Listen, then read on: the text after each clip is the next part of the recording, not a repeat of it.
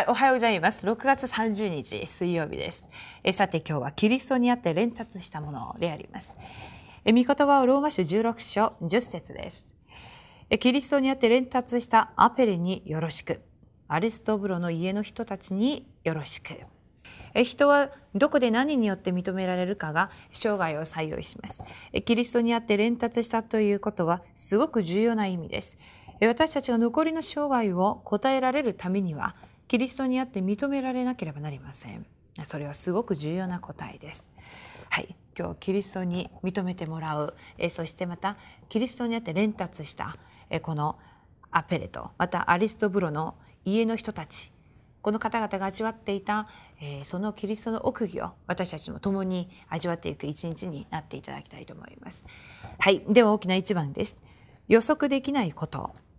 神様に認められる答えは私たちには予測できないことが起きるということです。奴隷になったヨセフが総理になるなんて誰が予測できたことでしょうか？これは神様に認められた人の祝福です。老人モーセがエジプトを制覇することも誰も予測できませんでした。少年ダビデがゴリアテを打ち倒すなんて誰も予測できませんでした。パウロが伝道現場に行った時生涯を助け人であったプリスカとアクラの夫婦に出会いました。アペレは主の主に奴隷の名前につける名前です。アリストブロはヘロデ王の孫であり、クラウデオ皇帝の親しい友人だったそうです。このように福音がローマにまで影響を及ぼすということは誰も考えられませんでした。はい。人の立場で見た時にはこのように予測できないことっていうふうに表現することができます。しかしキリストにあって認められるそしてこういうこのことは実際はレムなど7人を見れば分かるように実際神様は彼らを認めるしかなかった大きな契約を握っていたっていうふうに思います。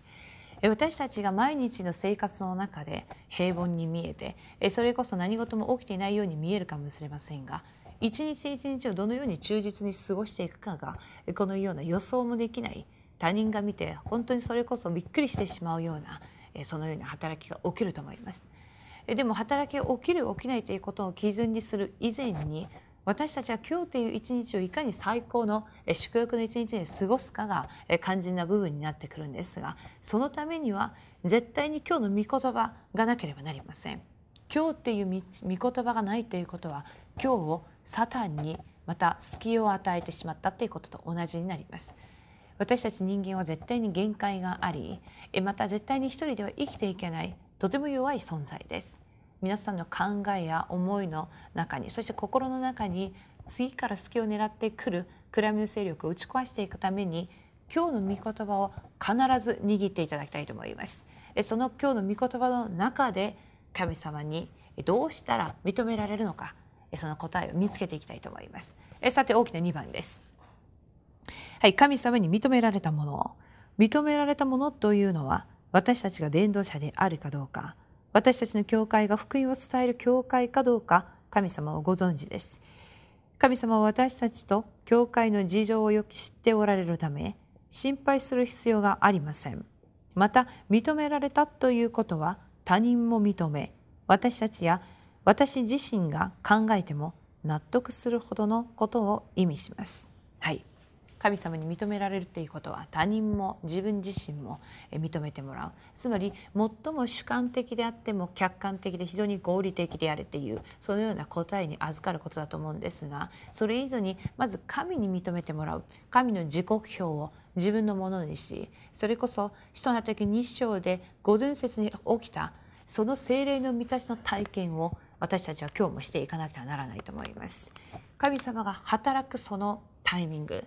そして神様が働くっていうことは暗闇の勢力がもちろん打ち砕かれていきますけれども神様に認める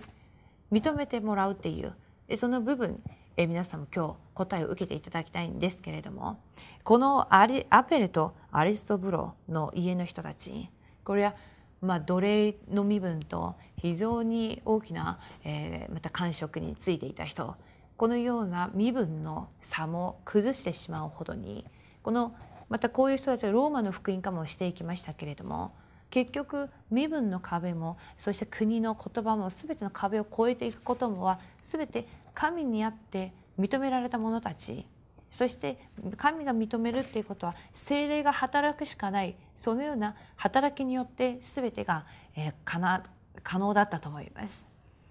えー、実力を認めてもらったり、え、また認めてもらうっていうそういう競い合ったりっていうことの意味ではなく今日という一日の中で今日の御言葉そしてそれを握って祈る時に起きる精霊の働きを皆さん体験してください。初代教会の人々はイエスがキリストでありまたそれを握って神の国が望まれるまで祈っていた。そして五巡節の日にその精霊の働きを体験しました。この契約を握っている人々こそが神様に認められる人々ではないかっていうことです。なので私たちが成功することもエリートになることも重要ですが契約にあって自分を一日また整えていく人になっていただきたいと思います。精霊の働きは人もそして環境もまた何の背景がないとしても全てを超えていくまた神の奥義であります。はいで大きな3番です。世の中の人も皆分かるようになる。神様に認められた人は世の中の人も分かるようになります。未信者が何も分かっていないように見えるが、実はどこの教会に行けばよいのか、またどの教団がいいのか、どの宗教を選択すればいいのか、すべてを知っています。今現場は上乾いた魂が待っています。彼らを探して答えを伝達すると神様の見業が起きます。神様の見舞いで誠に伝道するならば未信者もわかるようになり生かされます。今霊的問題に苦しまれている人たちに答えを与えるなら本人はもちろん世の中の人たちもわかるようになるでしょう。はい、世の中の人もわかるようになるということです。神様のそのえ神様に連達されて神様に認められたっていうことは、え神様に認めてもらうその精霊の働き暗闇の勢力まで完全に沈ませてしまって退かせていく、えそのような精霊の体験を皆さんが今日は再建していただきたいと思います。精霊が働くその今日の御言葉今日の祈りえ今日の伝道を皆さんまず考えてみていただきたいと思います。神様に認めてもらうそれはサタンが一番恐れ神様に認めてもらうということは一番神様が望め神様が望んでおられることの答えを私たちが受けなくてはならないと思います。それは難しいことではなく今日一日の中で今からでもいからでもできることです。ヨセフが契約を握って奴隷生活の中で勝利して総理になった答えまたダビデがあれだけのサウル王との戦いの中でも勝利したその答えをまた初代教会があれだけの危機の中でもローマを征服したその危機その答えっていうのはその裏に実は神様との利面契約がありましたえ今日ローマ書16章に出てきたこの2人の人物も連達したっていうふうに言われていますがこの方々も身分を超えてそして各自のバック背景も全く異なりますがこのように神にあって認められた人々になりました。契約を握ることそしてそれを今日一日御言葉の中で皆さんが見つけてそれを自分の個人化にしていくこと神様に認めてもらうそのステップにまたなっていくと思います。はい、では今日のフォーラムです。今日のフォーラムの主題は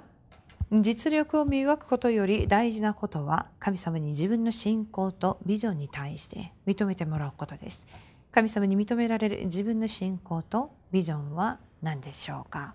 はい、ではお祈りをして今日の祈りの手帳を終わりにしたいと思います。神様感謝します。今日神にあってキリストにあって連達したこのアペレとアリストブロの家の人たちについて私たちは黙想しました。神様ローマを福音化したあのローマ書20ローマ書16章の中に現れているこの人々。彼らは非常に大変な危機の時代の中でも契約を握って勝利した人々です。何の背景もなければまたある人はとても偉い人もいれば立派な人もいましたけれども結局この人たちがワンネスをして世界福音化をしたその働きは契約にあって一つになれたからだと思います神様今日利面契約を発見することができますように私のビジョンは何かそして私は一番本当に何を望んでいるのかそれは神様とどのような関係があるのかそして自分が成功したいその成功は果たして理由はどこにあるのか一つ一つを点検していく一日となりますように。そして神がくださる答えは神も認めそして世の中も認めなお暗闇も私たちを認めていくそのような勝利勝利する答えに預かることができますように。全てを感謝して主イエスキリストの皆によってお祈りします。アーメン